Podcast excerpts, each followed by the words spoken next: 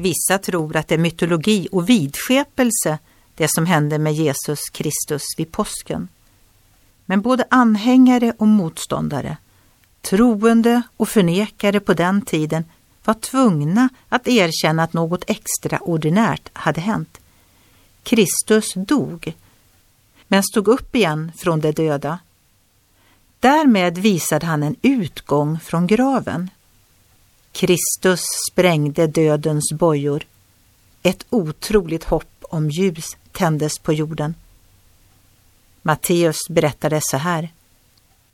Men Jesus ropade än en gång med hög röst och gav upp andan. Och se, då brast förlåten i templet i två delar, uppifrån och ända ner. Jorden skakade och klipporna rämnade, gravarna öppnades och många heliga som hade insomnat fick liv i sina kroppar. Det gick efter hans uppståndelse ut ur gravarna och kom in i den heliga staden och visade sig för många.